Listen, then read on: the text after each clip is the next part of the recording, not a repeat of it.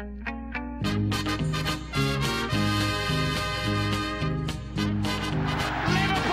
are champions of Europe again.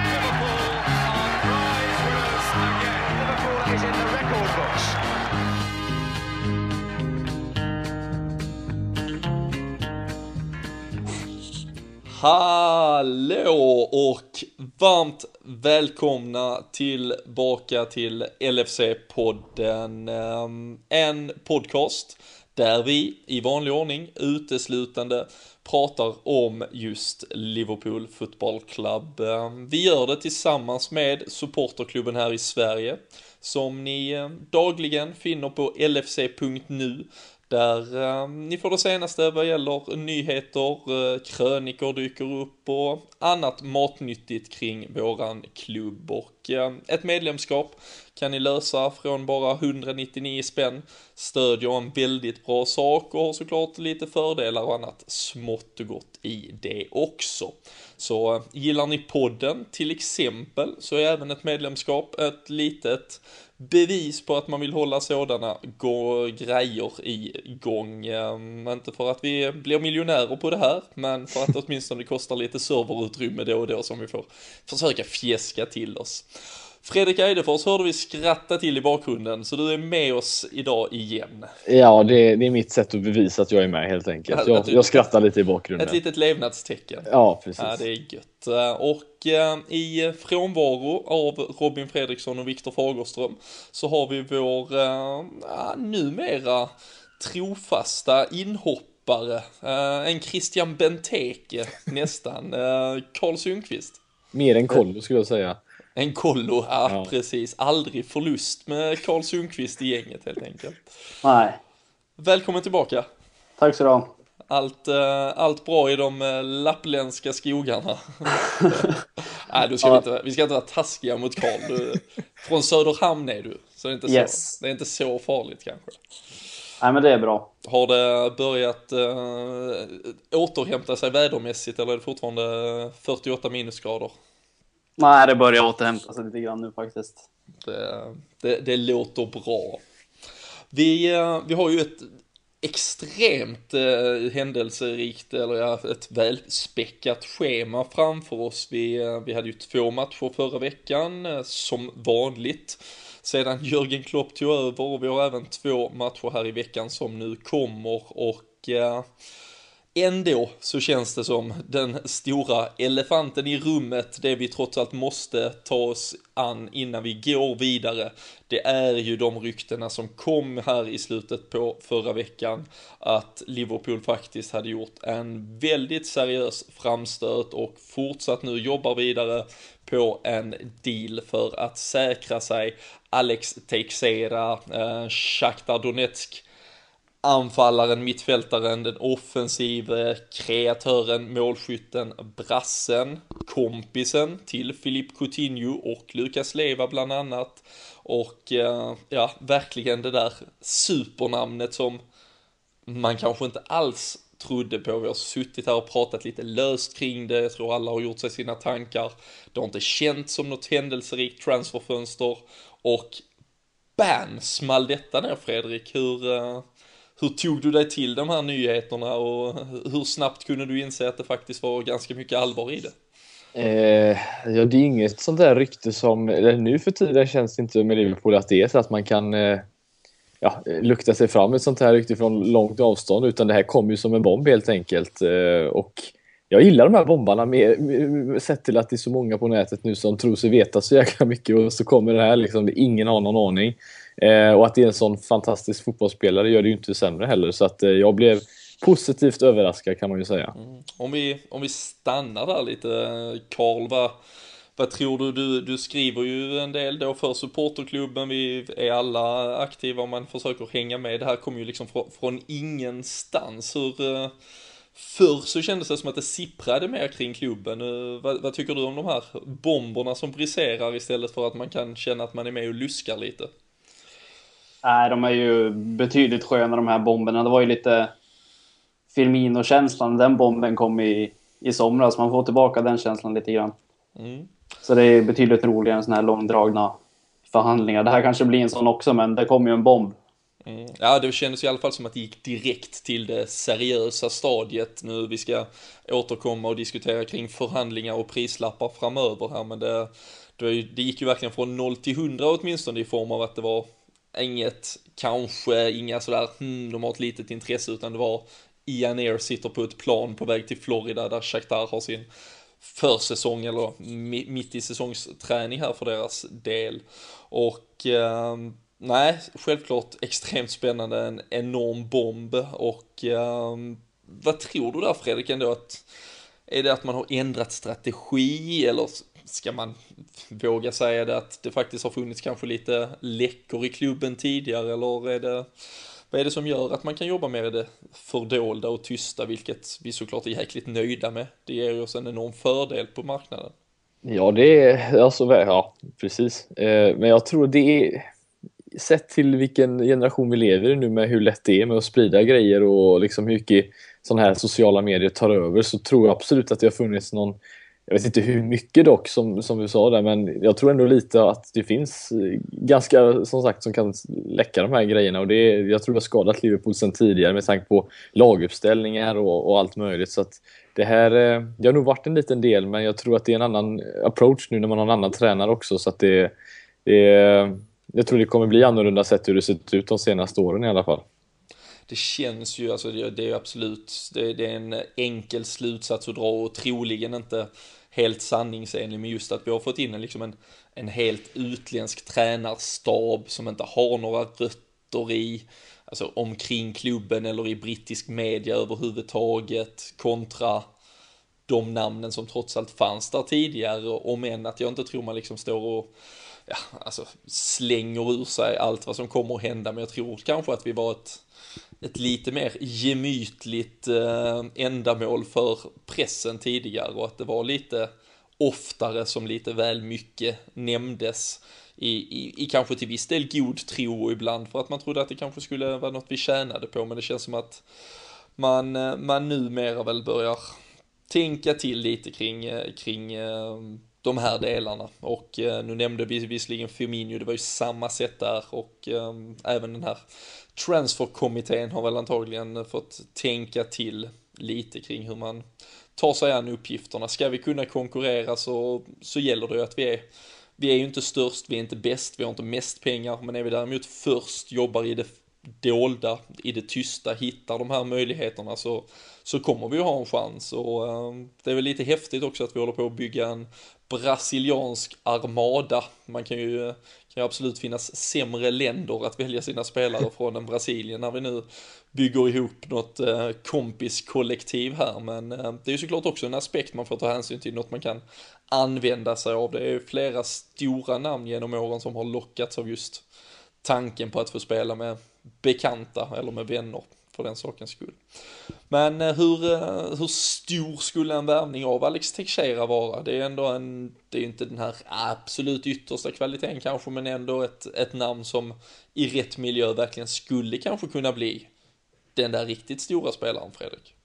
Ja, precis. Vi satt ju här för, eh, jag vet inte hur länge sedan nu, men vi pratade Mkhitaryan och eh, det var ju ganska mycket snack om honom då när vi satt här med podden och hur, om hur målfarlig han är, men sett till statistiken här så har vi ju nästan en anfallare som öser in mål här. Han är, kan ju spela lite vad som helst så att det, det är ju en, en extremt målfarlig spelare som gör mer mål än gjort, vad han gjort, typ så 26 mål den här säsongen eller något sånt där. Han, han, gör ett mål per match i stort sett. Ja, och det som sagt, då jämför man det med spelare som vi har kollat in tidigare eh, och gör det ännu bättre än vad den spelaren gjorde. Så att det här är ju fantastiskt. Eh, och ja, har man sett Shakhtar spela kanske i Champions League och så, där, så vet man ju vad det är för spelare. Det är ju en, en väldigt teknisk spelare, väldigt snabb, snabbare än Firmino som eh, löper där uppe för oss just nu. Så att det här hade ju varit ett extremt bra tillskott måste jag säga. Eh, hade ju passat in perfekt där. Mm. Hur, eh, och, hur, och hur ser du på det när man säger då passat in perfekt? För jag tror också den, den ganska snabba felbedömningen av Teixeira är ju att han är en renodlad anfallare när man ser mm. till hans statistik. Men hur, om vi tittar på de spelarna vi har just nu och kanske även lite längre fram, vad är det för, hur skulle han, var skulle man möblera in honom i en fungerande offensiv tror du? Eh, han skulle kunna vara i ett, eh, beror på lite hur vi ställer upp nu, men eh, utgår man från att en Firmino skulle till exempel vara eh, anfallaren som eh, Klopp satsar på nu framåt sett till hur han har sett ut de senaste matcherna så är det en spelare som skulle kunna ta platsen bakom eller ute till vänster och eh, göra det ja, väldigt bra. Han kan ju skjuta med båda fötterna så att eh, jag hade nog satt honom bakom Firmino och låtit dem röra sig relativt fritt i alla fall. Eh, kanske till och med ett 4-4-2 eller vad man nu ska säga att det blir så att det blir två renodlade där uppe och så får de göra lite hur de vill. Eh, men eh, ja, det blir ju en annan typ av anfallsspel än vad vi har när Firmino inte spelar. Absolut, vi, ska, vi kommer absolut återkomma till just Firmino, vi återkommer till Norwich-matchen och, och lär få anledning att diskutera honom då. Men eh, Karl, vad, är, vad är dina känslor? Vad hade du för känslor kring januarifönstret och tycker du att det här är rätt värvning att eventuellt lägga de här pengarna som nu det snackas om att 28 miljoner pund faktiskt har blivit nekat av Shakhtar, även om uppgifterna går till viss del isär här och att man kanske behöver pressa det upp mot 30, 31, 32 miljoner pund innan det skulle kunna vara en affär som går i hamn. Även om nu Teixeira är väldigt angelägen om att komma. Men eh, är det rätt att gå så här hårt ut, troligtvis på bara en spelare, dessutom en offensiv spelare i januari sett till hur våra behov är?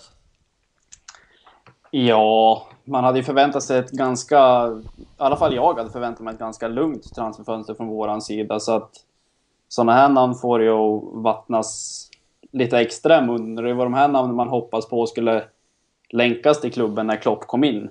Eh, men eh, prismässigt så, alltså vi har ju svårt att locka de här större spelarna så att vi kommer ju behöva betala ganska mycket. Det, det får man ju bara acceptera. Så jag, jag, tycker man kan lägga lite pengar på, på Texeia. Men de är ju ganska svårflörtade i Ukraina. Ganska pengafixerade. Så det kommer ju bli, det kommer bli lite dyrt. Mm hur uh, vi, nu nämnde du Fredrik, du nämnde Machitarian, men vi har ju även uh, Viljan, han ju bli en liten ja, just det, han glömde jag till med. uh, Konoplyanka hade vi från uh, Dynamo Kiev. Hur, vad tror du där Kalle? Tror du att vi rent förhandlingsmässigt, blir det fjärde gången gilt nu med några ett ukrainskt förhandlingsläge. Det, det känns ju inte som sagt, som du nämner, det är inte det enklaste att ha att göra med. Nej, ja, man får ju lov att hoppas att det löser sig. Nu senaste två gångerna, eller med Conny Plianka, han var ju jäkligt intresserad av att komma till Liverpool. Där sket det ju sig på någon tredjepartsägare som satte käppar i hjulet och lika Teixeira verkar intresserad av att komma så att vi håller tummarna för att det löser sig.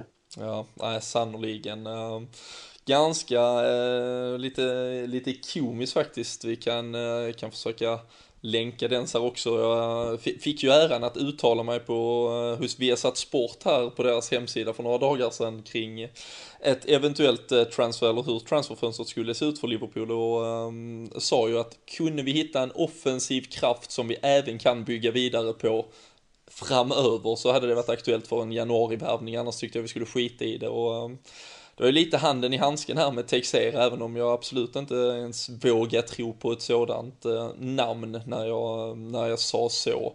Det låter Men, som du i den här läckan kanske som, hade, eh, som du pratar Hade kunnat vara att jag var en liten eh, mole här som, som försökte sippra Malmö-mole. Ja, fy fan, det hade, hade gjort sig på Twitter. ITK-klanen hade, hade gått bananas.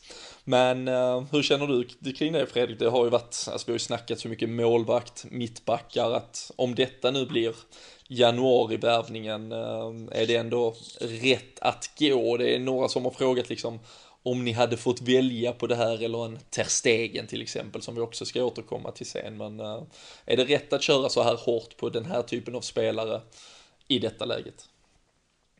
Alltså med att, eller inte lite, väldigt mycket. Vi, vi vet ju att vi kommer få betala mer och eh, folk är inte dumma i huvudet. De vet att Liverpool eh, ja, kan gå med på det mesta när det kommer till sådana här grejer. Vi har ju köpt spelare för dyra pengar relativt nyligen. Så att, eh, sett till att det är som du sa i den här intervjun då som du pratade om, det, att, att det är någon att bygga på framtiden. Det är ju många spelare som kommer att försvinna från Liverpool och om Texira då är någon som ersätter den här spelaren så är jag för detta ja, väldigt mycket. Sett till att det är kvalitet vi behöver och det är kvalitet vi i så fall ja, kommer att få. Mm.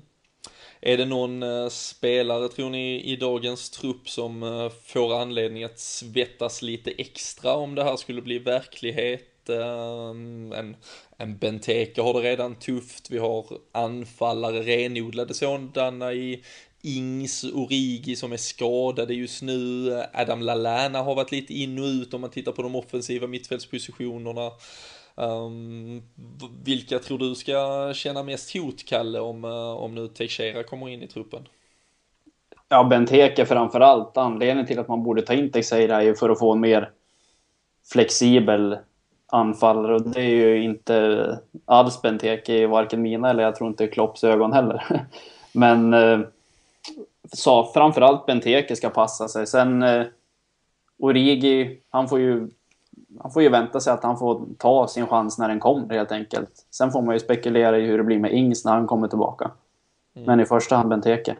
Ja, Sen har vi ju en annan, liten, en annan relativt hygglig spelare på skadelistan som man knappt glömmer, ja, som man glömmer av ganska lätt också när man räknar in de här anfallarna och det är ju Sturridge och ja, vad ska man säga där? Liksom, det är ju en ganska bra uppsättning av spelare vi skulle ha om, om det skulle få den här spelaren. Det är ju en mittfältare slash anfallare så att han kommer inte ta över någon ren ja, anfallsplats kanske, men det är ändå offensiva krafter som kommer bli, eh, ja, när han kommer ta plats. Ja, det hade... Vi får en liten brasse-trio som springer runt fritt bakom en frisk Daniel Sturridge. Ja, en liten, eller till och med kanske ett, eh, ett så extremt framgångsrikt diamantspel som vi spelar under säsongen 13-14 med Emre Can sittande, Jordan Henderson, Philippe Coutinho, Alex Teixeira i en tia och Firmino Sturridge längst fram i en riktigt rörlig anfallsuppsättning. Det, mm, ja, all anledning till, till våta drömmar när man eh, spekulerar åtminstone. Det kan bli väldigt, väldigt bra, åtminstone på pappret och så får vi se vad det blir av det i verkligheten. Vi, eh, vi har lite fler frågor, vi har lite annat, vi kommer tillbaka till det, men självklart är det Alex Teixeira som är det heta, det spännande, det, det man surrar om just nu i alla fall här. Eh, men om vi tittar lite till matcherna som har varit i veckan, grabbar, så har vi ju Exeter från eh, mitt i veckan här som vi programenligt får man väl ändå med all respekt säga när det nu blev hemmaplan om än att eh, det först lossnade där ordentligt på slutet eh, innebar att vi avancerade i FA-cupen med återigen ett ganska så B-betonat lag, ett par seniorspelare som klev in ändå i förhållande till hur det ser ut i bortamatchen och Ehm, nu väntar ju trots allt West Ham då, nu blir det hetluft, det blir allvar direkt till helgen. Ehm, först och främst något ni, ni vill lyfta fram från matchen eller vad det sådär få det avklarat och gå vidare? Hmm.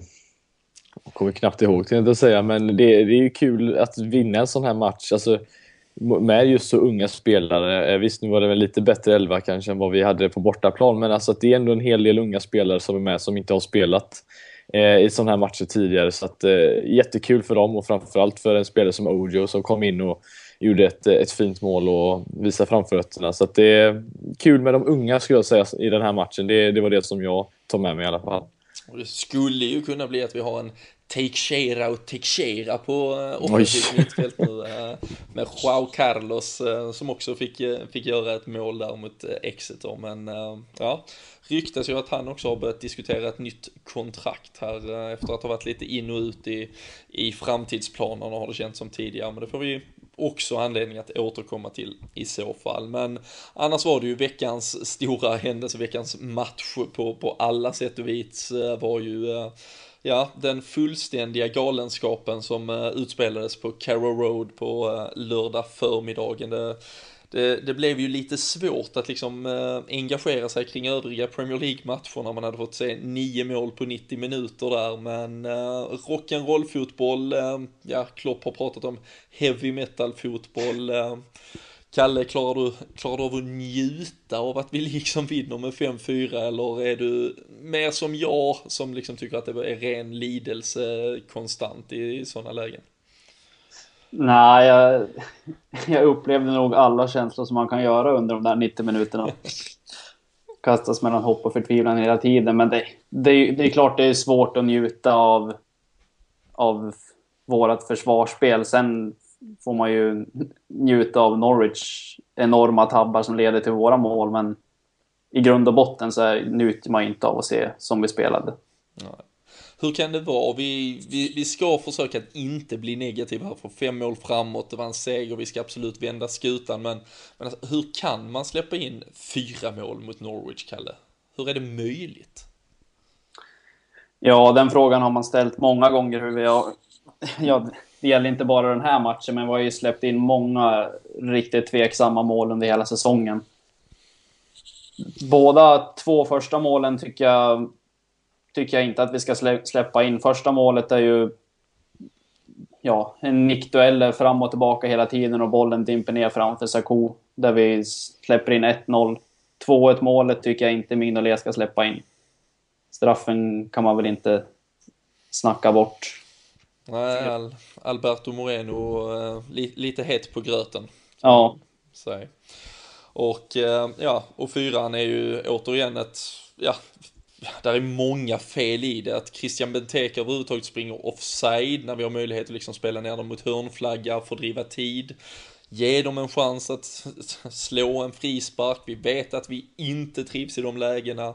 Sen förlora de här nickduellerna. Tyvärr Mamadou Sakho igen då som gör det till viss del. Och... Vad han blev flyttad på det målet alltså. Ja, det var så enkelt. Herregud. Så enkelt. Men um ja, Fredrik, vad, vad, vad, säger du kring, eh, kring matchen och kring, om vi startar med de tyvärr negativa bitarna som försvarsspelet fortfarande är för oss?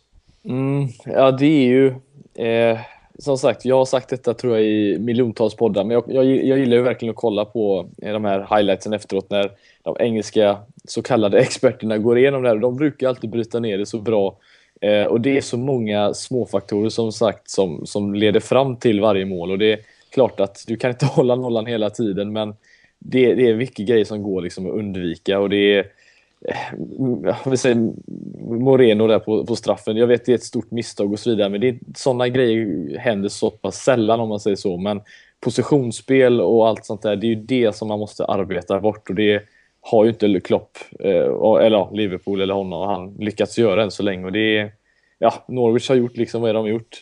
Två mål mindre än vad vi gjort den här säsongen. Det, ja, det, de gör ju inte så mycket mål och vi gör inte så mycket mål egentligen heller. Så man förväntar sig nästan en 0-0 match här. Så att det var ju, ja, jag vet inte vad jag ska säga. Jag, jag är chockad fortfarande nästan. Ja, och eh, Mamadou Sakho känns ju också som det först, eh, Mignolet har ju varit liksom eh, säsongens eh, huvudrollsinnehavare annars så här långt. Eh, Mamadou Sakho har ju tidigare varit eh, ändå fansens favorit på något sätt, Martin Skertel har varit den naturliga hackkycklingen vad gäller försvarsspelet, även DN Lovren såklart, men eh, det känns ju även som nu när Mamadou Sakho då har blivit den vi ändå bygger det kring den som förväntas leda där bak med en vikarierande Kolo Touré bredvid sig. Ehm, det har ju på inget sätt blivit bättre egentligen. Och vill man hårdra det och vara riktigt taskig kanske till och med ännu sämre. Och ehm, jag slängde ju ut frågan kring eh, vad folk egentligen tyckte om honom, om det var liksom den här försvarsbjässen att bygga kommande års försvar på 25% bara ser honom som det är nu, en fjärdedel och hälften ungefär ser honom som en backup-spelare och en, en fjärdedel tycker faktiskt det är liksom redan nu läge då att skeppa iväg honom. Vad, um, vad, vad, tycker ni egentligen om det, om det vi ser nu? Vad tror ni om hans framtid och är det, har jag rätt i den kritiken jag kanske ändå tycker bör lyftas mot honom trots att han annars har varit lite, ja, lite, lite befriad från kritik, framförallt om man följer de sociala medierna. Ja, han är, han är ju en vattendelare bland fansen, Sarko. Antingen tycker man ju om han eller så tycker man inte om han. Folk har ju fog för det de säger, att han ser klump ut och att det är slalompjäxor och allt sånt där på under matcherna. Men i, i grund och botten tycker jag att han är en, en bra mittback. Det ser fruktansvärt svårt ut ibland, men oftast så löser han ju situationerna. Mm. Det är väl mest alltså hans fysiska, fysiska spel de senaste gångerna då det har blivit misstag från honom. Eller, ja, då, då han har varit eh, punkten i det som kanske slutar i ett mål då. Alltså att han, han blir liksom mobbad av, av så som det har varit tidigare för att vara mittbackar och Mbokani då, visst han är en stor stark spelare men då får du försöka ställa dig på rätt sida och eh, täcka istället för att försöka vinna duellen som du vet att du inte kan vinna. Och kollar man på framförallt det då 4-4 målet så flyttar jag honom som att eh, han inte var där överhuvudtaget egentligen. Så att det, det fysiska spelet får han ju förbättra och han har ju inte varit eh, den gamla Sarko i passningsspelet heller. Så att eh, vad det har med skador att göra eller inte, det, det vet vi ju inte. Men ja, han, eh, han är inte den som, som, eh, som vi trodde han skulle vara kanske. Nej, när till och med Robin Fredriksson lyfte upp ett litet frågetecken här förra veckan så, så förstod man att eh, formkurvan hade dippat lite men eh, självklart spelar skadorna in ett, ett redan väldigt instabilt eh, försvarsarbete över hela plan, sätter såklart käppar i hjulet för, för alla spelare som ska in och ut ur den här startelvan men eh, jag tycker väl ändå om han liksom verkligen ska axla den här rollen som byggts upp av åtminstone stora delar av fansen. Jag är helt rätt som du säger kallat han, han delar vattnet här men um, annars så känns det som att han på något sätt borde kliva in och ta lite mer ansvar nu, prestera lite bättre om det skulle funnits fog för de hyllningarna som han till viss del trots allt fortfarande får. Och eh, nej, jag, jag, jag står väl fast vid vad jag har eh, sagt tidigare att vi tyvärr inte har en enda mittback enligt mig som är tillräckligt bra för att, för att bygga en, en stabil försvarsstomme på för framtiden. Och eh, med det så inkluderas ju såklart också en, eh, ett målvaktsbyte som, eh, som kommer att krävas för framtiden. Och vi får väl hoppas att så blir verklighet. Men det är skönt att se också befriande att se Klopp så aktivt liksom alltså poängtera att det är så uselt det här och att försvarsspelet är under all kritik, att vi försvarar alldeles för dåligt vid fasta situationer, att han har gjort vad han kan, han försöker ändra. Och Visst, det måste finnas ännu mer han kan göra, men det, det börjar komma ner på individuell spelarnivå att se till att vinna sina moment mot sin motståndare, att få det att fungera tillsammans där ute. För en grej som jag tycker just, vi pratar med målen där, alltså det är deras, när just Mbokani gör det här målet, som jag tänker på, alltså en ledare där bak. Hade vi haft Carragher, ni kommer ju ihåg hur, hur han hörde hans skrik liksom på, på matcherna trots att det var på Anfield och folk som sjöng så hör man honom skrika i bakgrunden. Vad hade han gjort? Han hade ju lyft upp det där laget innan den bollen liksom nickas in igen i straffområdet. Det är liksom, vi sitter ju mer eller mindre en centimeter från, ja, äh, från Mignolet. Det liksom går ju inte. Du ska ju ställa tre gubbar offside när den andra bollen kommer ja, in. Liksom. Precis, så det, det, är väldigt mycket eh, sånt som vi saknar och det har vi märkt. Men det där var ett jättetydligt exempel på att vi saknar en ledare där bak och det säkert en Reina som vi har pratat om som var agerade ledare också. Att han hade säkert också pushat upp till laget. Så att det det är mycket ledaregenskaper vi saknar där bak just nu och det, det är väldigt tydligt tyvärr.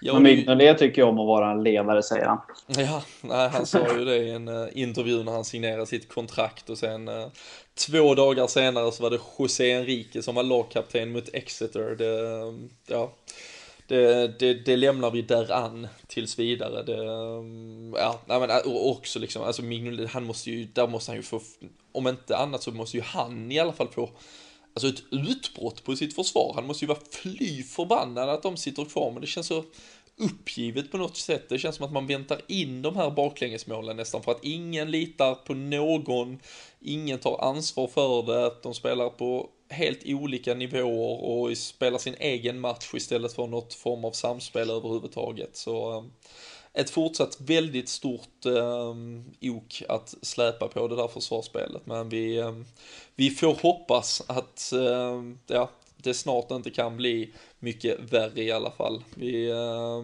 ja, det är en, eh, verkligen en, eh, en nöt som måste knäckas i alla fall.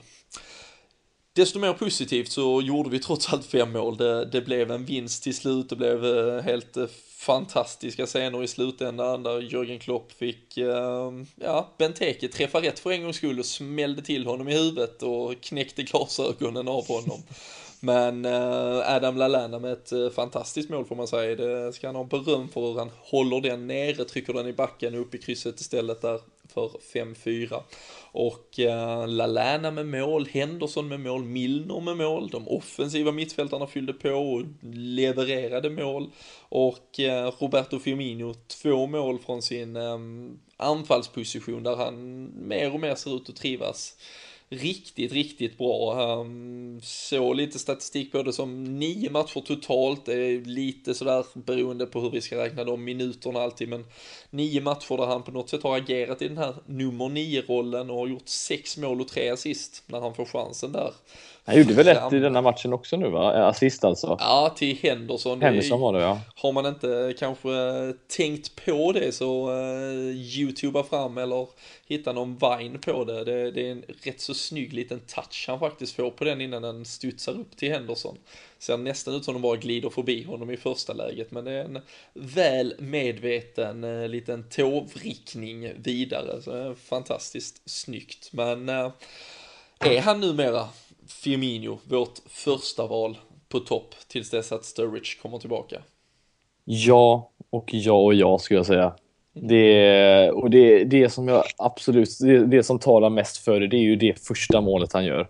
Det vill säga, den löpningen tar inte någon av våra andra anfallare. Alltså det är så en enkel liten liksom, djupledslöpning på en enkel pass från Milner och han gör 1-0. Det är, liksom, det, det är precis vad vi saknar.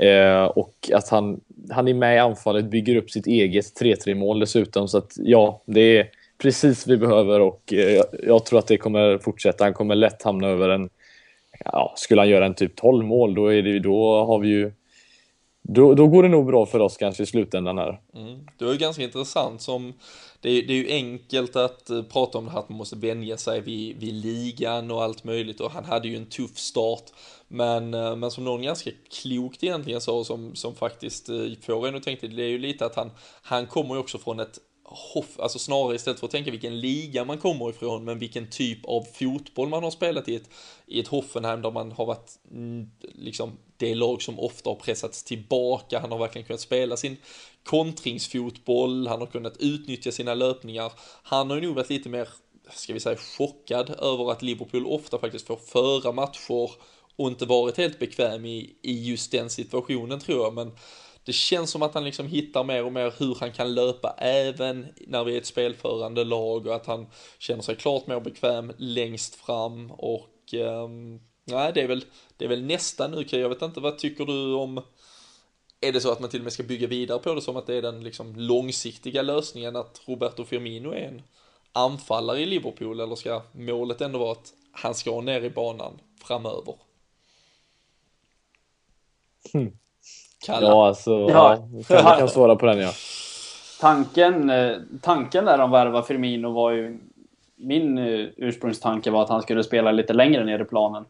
Men eh, där har han ju haft det jäkligt, jäkligt svårt under de här första månaderna i England. Så att som det ser ut just nu så tycker jag helt klart att vi ska bygga vidare på, på han som, som striker. Det tycker jag helt klart. Sen beror det på vad man, vad man får in, hur pass fit Sturridge kan vara. Och man får ju väga in sådana aspekter också, men i dagsläget tycker jag vi ska bygga vidare på Firmino som striker. Mm. Skulle vi med, med en sån besättning egentligen kunna se oss som gott och väl liksom fulltaliga på anfallspositionen och inte behöva tänka att vi ska förändra något på den till och med om vi blickar fram mot sommaren? Ja, alltså... Ja, tar du fortsätt. Du var inne på bra spår där. Ja, alltså vi fulltaliga anfallspositioner var ju fruktansvärt mycket anfallare om, om alla skulle vara hel. Sen får man ju se vad som, vad som händer i sommar, men som det ser ut just nu så tycker jag inte vi behöver några fler anfallare om vi inte ska ta in Teixeira. Mm.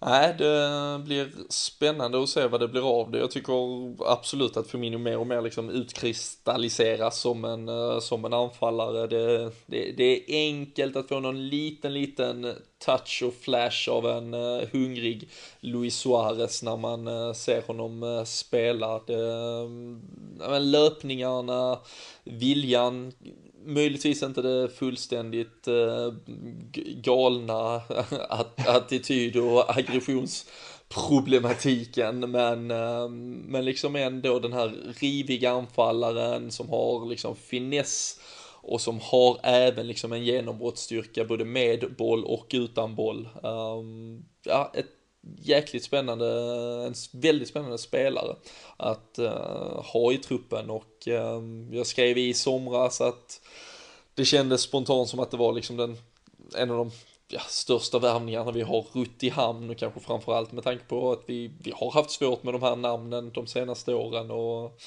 man var ju nervös i höstas att det liksom skulle bli pannkaka men det känns ju som att uh, man har hittat en ny Ehm, väg fram för honom och att ehm, han dessutom och framförallt också att mittfältarna runt omkring honom blir lite mer löpande för han river sig ut ur sin mitt, eh, alltså liksom centrala position, han skapar den ytan i, i sitt rörelsemönster. Vilket Christian Benteke tyvärr inte gör känns det som. Man blir statisk, är man en ytteranfallare med Benteke på topp då blir man verkligen en låst ytter. Medan, medan det här ger lite mer um, utrymme. Så um, riktigt kul att se också ju där med Lalana, Milner och, och Henderson målskyttar. Det kommer ju behövas. Vi har ju pratat tidigare om vem som ska göra målen egentligen. Så uh, mittfältarna får gärna addera till den potten något... Det som jag tycker är lite kul bara just med det, det är att, att sättet han, de matcherna han har varit just den här anfallaren, det är ju liksom mot, mot lag som Chelsea, mot City, eh, Eh, Arsenal och United, är som stora klubbar och han har gjort det faktiskt väldigt, väldigt bra, även fast han inte gjorde mål då i, i United-matchen och även Chelsea där, men det var ju riktigt, riktigt, riktigt bra. Eh, och att han får göra det även i en sån här match, liksom mot Norwich borta, att, att han visar upp det i så många olika matcher, det, det är ju ett bra tecken också, så att det inte bara är att man ja, som vissa till och med påpekar om Suarez, att han var bäst bara när det, när det var mot smålag, liksom, som Norwich i det fallet. Då. Eh, men i detta fallet så har han ju varit så bra i många matcher där han spelat det, så det, det ser ut som ett bra tecken i alla fall. Ja, och du, vi har ju, alltså, som sagt, du nämnde innan att eh, Liverpool har ju haft liksom svårt som bara den med målskyttet, men, men Firmino har ju då som sagt några av matcherna han startat i den där anfallspositionen, tre mål mot Chelsea, fyra mål mot City, Fy, fem mål nu i helgen här, tre mål mot Arsenal. Mot United gör ju ingen mer än ett mål om man har tur. De liksom spelar ju som man håller på att somna och, och parkerar bussar till höger och vänster. Men, eh, men det, även om han själv inte alltid gör målen så känns det som att Liverpool blir ett öppnare lag, ett lite liksom, ett rörligare lag på alla sätt och vis. Och eh, med tanke på att vi vet att vi tyvärr släpper in ett par mål per match så, så får vi väl lite anamma den där 13-14 mentaliteten ehm, säsongen ut i alla fall att släpper vi in två så får vi satsa på att göra tre. För ehm, att hålla nollan och, och göra ett, det, det, verkar inte riktigt längre vara någon ehm, melodi att försöka sig på här. Så öppnare fotboll, rörligare fotboll lär vara vägen framåt för Liverpool. Vi har ju en händelserik vecka framför oss nu också här. Eh, vi hoppas ju dels såklart att det händer något på eh, transfer fronten. Veckan ut har vi på oss eh, med Teixeira och eh, så är det cupmatcher som gäller för Liverpools del i övrigt. Eh, Ligacup semifinal imorgon, tisdag, mot Stoke och eh, sen till helgen på lördag så FA-cupen traskar vidare. West Ham på hemmaplan, eh, tunga minnen från den matchen. Eh, Karl, du och jag var ju på den tillsammans i ligan för ett drygt halvår sedan. Uh, Dejan Lovrens uh, stora insats på, på Anfield. Så får väl uh, hoppas, vi har haft förtvivlat svårt mot West Ham, vi kan komma tillbaka på det, men Stoke imorgon, Kalle, hur, hur stor är den? Det har pratats om att det är säsongens match, möjligheten då att ta oss till en cupfinal och ta hela Liverpool till Wembley återigen. Hur, hur taggad är du? Hur viktig är denna? Är det Känns det att det är något speciellt? Ja, det tycker jag helt klart. Hittills så får man väl lov att hålla med om att det är säsongens match. Eh, matchen kan ju ha jäkligt stor betydelse när vi summerar säsongen i maj. Om vi går till final och löper linan hela vägen ut och vinner en titel så bidrar det till en mycket bättre säsong oavsett hur, hur ligan går. Så att det är helt klart en en jäkligt viktig match. Och dels för Klopp att få en bra start med en med en titel ha någonting att bygga vidare på. Mm. Ja, det känns ju också som det det är ju i kuppspelet såklart här i ligacupen, FA-cupen nu får vi se, det är ju en väldigt skadeskjuten trupp och med tanke på matchandet hur mycket han, men det är ju de här kupperna han ändå kan också liksom visa att, att han gör jobbet i ligan, det var, vi hade haft en tung start, vi var en bit efter från början, men eh, såklart viktigt för, för honom och för klubben som, som helhet att bevisa att att vi kan ta några sådana här skalper om, eh, om möjligheten nu eh, ges här. Ehm, hur känner du inför Stoke annars generellt Fredrik? Tidigare var de ju det här Bronke-Stoke, numera ett, ett Stoke som faktiskt nästan gör minst mål på fasta situationer. Där vi har sådana problem. Passar det oss bra att möta Stoke nu? Förlora med 3-0 i helgen. Ryan Shawcross tros vara skadad. Hur känner du inför matchen och vad ger du oss för chanser? Eh, jag, jag, känner mig mer optimistisk i alla fall. Eh, mestadels för att det känns som att Klopp har fått igång fansen. Eh, vi, eh, efter den här matchen mot Norwich, så tror jag att de Eh, spelarna tror att eh, det här kan, eh, ja, oavsett om alla de spelar inte, så tror jag att, att det är ett gott flow i laget liksom. Det, det tror jag. spelar, ja, Stoke med en annan uppsättning av spelare denna gången som de inte gjorde förra gången med Bojan och de här så eh, då, då ser jag att de, de, kan bli riktigt farliga om Crouch eller Walter startar längst upp. Då, då kan det bli farligt. Men jag tror att vi, eh, vi grejar detta ändå. Ja. Vad tror du kring det Kalle? Vi, som sagt, vi nämnde ju att ja, eller Stoke under Mark Hughes har varit lite av ett nytt lag. Eh, Bojan, Kirkic, Affelay, Shakiri. Um, ehm, Arnautovic, eh, en spelare som gjort det riktigt bra denna säsongen, men, men tidigare var ju det Crouch, Walters, spelare som finns kvar i klubben. Tror du det finns en risk, eh, kanske för Liverpools eh, synsätt, att, eh, att man väljer en lite mer Stoke-mentalitet när man nu kommer till Anfield imorgon och ska vända på det där 1-0 underläget med tanke på hur, just hur skakigt vårt försvar har varit? Ja, alltså jag, jag tycker vi kan alltså grundtanken bör vara densamma som när vi mötte dem på bortaplan. Ehm, faktiskt så tror jag att de, ett Stoke-lag med de här lirarna som du nämnde med Afelai, Shakiri och Bojan, de passar oss i grunden bättre än det gamla Stoke-laget om de skulle köra med Walters och, och, och Crouch. Så att grundtanken bör vara densamma som inför första mötet tycker jag. Och för Stokes sida, tror du att de behåller den där då, det kvicka, nya, tekniska Stoke, eller skulle vi kunna chockeras över att de kommer och just bronkar på Anfield imorgon? Ja, jag, jag, tror, jag tror nog att de behåller det, det nuvarande Stoke, om man säger så. Eventuellt att Walter skulle kunna få lira. Han gör ju, gör ju en del mål när han, när han väl får spela. Mm. Fredde, vad, vad är känslorna? Klarar vi av i så fall det här nyaste? Klopp pratar ju nu om att han såg fram emot att uppleva en semifinal på Anfield. De är kända för att vara något fantastiskt och ehm, vi har med oss 1-0. räcker det för att ta oss till Wembley? Jag tror att båda lagen kommer göra mål. Det tror jag. Eh, och jag tror att vi fortfarande kommer vinna matchen. Eh, nu tror jag att det kommer bli en sån här magisk stämning igen. Eh, jag såg att Liverpools eh, eh officiella konto upp, det var väl för exakt fyra år sedan nu som Bellamy gjorde det här målet på eh, Manchester City som tog 2-2 matchen där och så vidare till finalen. Och eh, jag tror att det kan bli något liknande, alltså en galen match helt enkelt. Ja, nej, vi, eh, blir det mål så, så kommer vi ju behöva då minst, eh, det är ju, vi får väl ta det igen, ligacupsreglerna gäller ju här med bortamålsregeln att den, det existerar först inga bortamål, men eh, blir det, går det till förlängd, då är det bara lika, så man får ju förlängningen sen på sig att att avgöra. Till exempel om det skulle stå 2-1 till Liverpool efter 90 minuter, då har vi inte åkt ut på det bortamålet, utan då blir det förlängning, men är det däremot fortfarande då 2-2 att stå kort bortamål gjort um, när matchen är slut, så, um, så kommer vi åka ut helt enkelt. Det är extremt enkelt och välgjort av, uh, av förbundet här, men uh, det får vi ju leva med åtminstone. Om vi kikar på Liverpools uh, lag, eh, Kalle, och det gänget som startade mot Norwich, lite snack, lite rykten nu om att eh, Klein kan tvingas eh, avstå, har ju annars varit eh, kanske den mest fasta inventarien i Liverpool 11 den här säsongen. Är det annars några ändringar du vill se i förhållande till ja, matchbild, Stoke som motståndare eller rent formmässigt?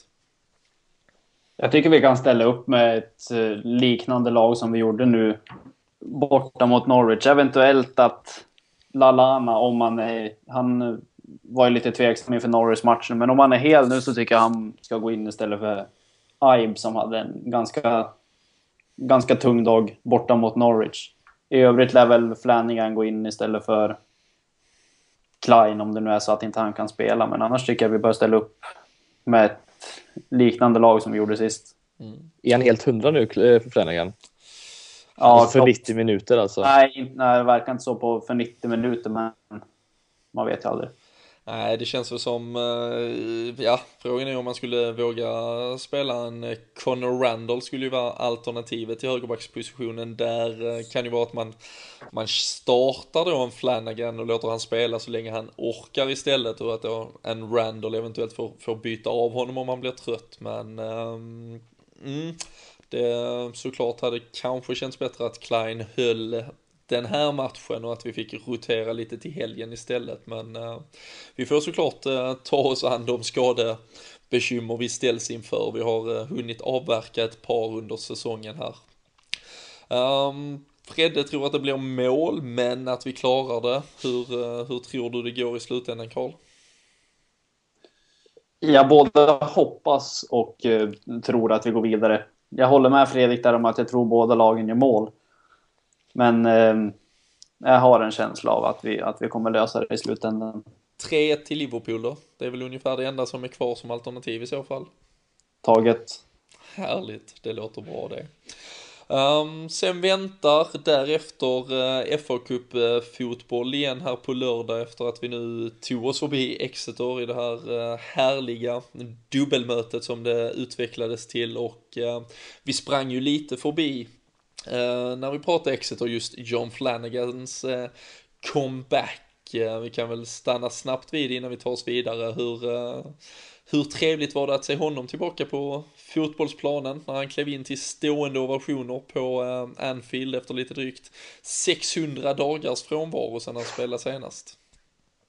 Man saknar ju den grabben alltså. Det, det, man, han, han såg ju väldigt ska man, säga, man, man saknar ju den typen av lugn han har med bollen och det, det visar han ju upp direkt att han, han har ett bra öga för eh, var han ska slå bollen. Så att, eh, jag tror vi kommer ha nytta av honom framförallt med hur tunt det ser ut på ytterbacksfronten. Så att, eh, eh kul att se tillbaka honom. Jag kan inte, ja, hoppas han blir 100% snart så att han kan få starta någon Premier League-match också.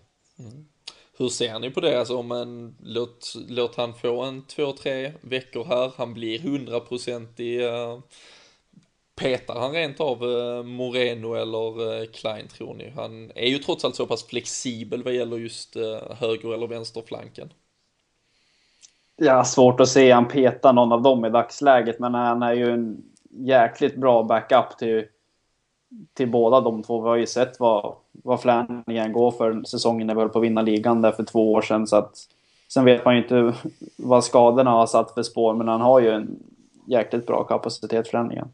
Mm. Ja, en, eh, ja, för min del också en, eh, såklart väldigt kul att se honom tillbaka. Ehm, känns väl också som att det har jag vet inte om, alltså hela Liverpool pulserade säsongen 13-14, vi spelade på rent adrenalin, eh, han kom in i ett, liksom ett lag där allt bara var fantastiskt, där vad som än hände så vann vi till slut efter att ha gjort sju mål om så behövdes liksom. Vi, det var sånt go i det laget, det var sånt ös på Anfield, att vi kunde ha med en spelare som John Flanagan var fantastiskt, men jag, jag står väl fast vid vad jag har sagt flera gånger här, att jag tror inte han någonsin kommer bli en igen ordinarie startspelare för Liverpool. Ehm, även om han, eh, han absolut bevisar mig fel förra gången. Jag trodde han var förlorad för flera år sedan, men eh, ja, svårt att se att han blir ehm, en viktig del av något eh, kommande lagbygge. Han, han saknar ju fortfarande ett, ett kontrakt också, det går ut här till sommaren. Så um, även ett, ett viktigt vägskäl för klubben och för honom såklart vad som, vad som kommer att gälla framöver. Men uh, får han inte chansen på tisdag så eh, såklart väldigt, väldigt möjligt att han får desto mer speltid på lördag i så fall mot eh, West Ham i FA-cupen. Tror du Fredrik nu här att vi eh, övergår till ett bra lag med respekt för övriga spelare igen i FA-cupen eller behåller vi ett ganska så här ungt B-lag, om vi får säga så, i, i just den här kuppen med tanke på det intensiva matchandet. Vi har ju Leicester sen i ligan bara ett par dagar senare. Jag eh, tror det blir lite små, eh, små förändringar kanske, att en Firmino går ut och en Benteke går in möjligtvis. Eh, möjligt att några ytterbackar får möjligheten också, men jag tror att det kommer... jag tror inte vi kommer få se allt för stora ändringar nu när vi kommit in i ett bra flow också så att jag tror jag tror vi kommer få se allt för mycket ändringar. Nej. nej. Va, va, Eller vad tror ni? Ja, nej men Kalle kan ju få, få, få fortsätta där med hur, hur vi egentligen, vi är ju en skadeskjuten trupp, det är en ganska tunn trupp eh, trots allt. Eh, har vi kapacitet att liksom försöka konkurrera med så pass många A-lagsspelare på, i varenda match här eller eh, kommer det rent av krävas rent för fysikens skull att vi roterar lite även på lördag? Jag tror det kommer bli en liten mix av laget som ställdes mot Exeter och, och vårt ordinarie lag. Det är nog vissa spelare som kommer få vara kvar. Jag tycker Brannigan har varit, varit bra de gångerna han har fått chansen. Sen eh, Smith, jag vet inte. Han tycker också har varit bra. Det blir nog en mix av både, både lite ungdomslirare och, och ordinarie spelare. Mm. Skulle jag tro. Klarar vi av det mot ett West Ham? Eller beror på hur de ställer upp såklart, men... Vårt ordinarie lag klarar knappt av West Ham. Nej, de har ju inte, de har ju inte mycket att, att förlora de som nu får chansen helt enkelt. Det finns ingen större kravbild efter 0-3 och 0-2 mot West Ham hittills under säsongen. Men, äh, ja, men det känns väl som, äh, för som jag har förstått det rätt, Steven Carker bör få spela FA-cupen åtminstone.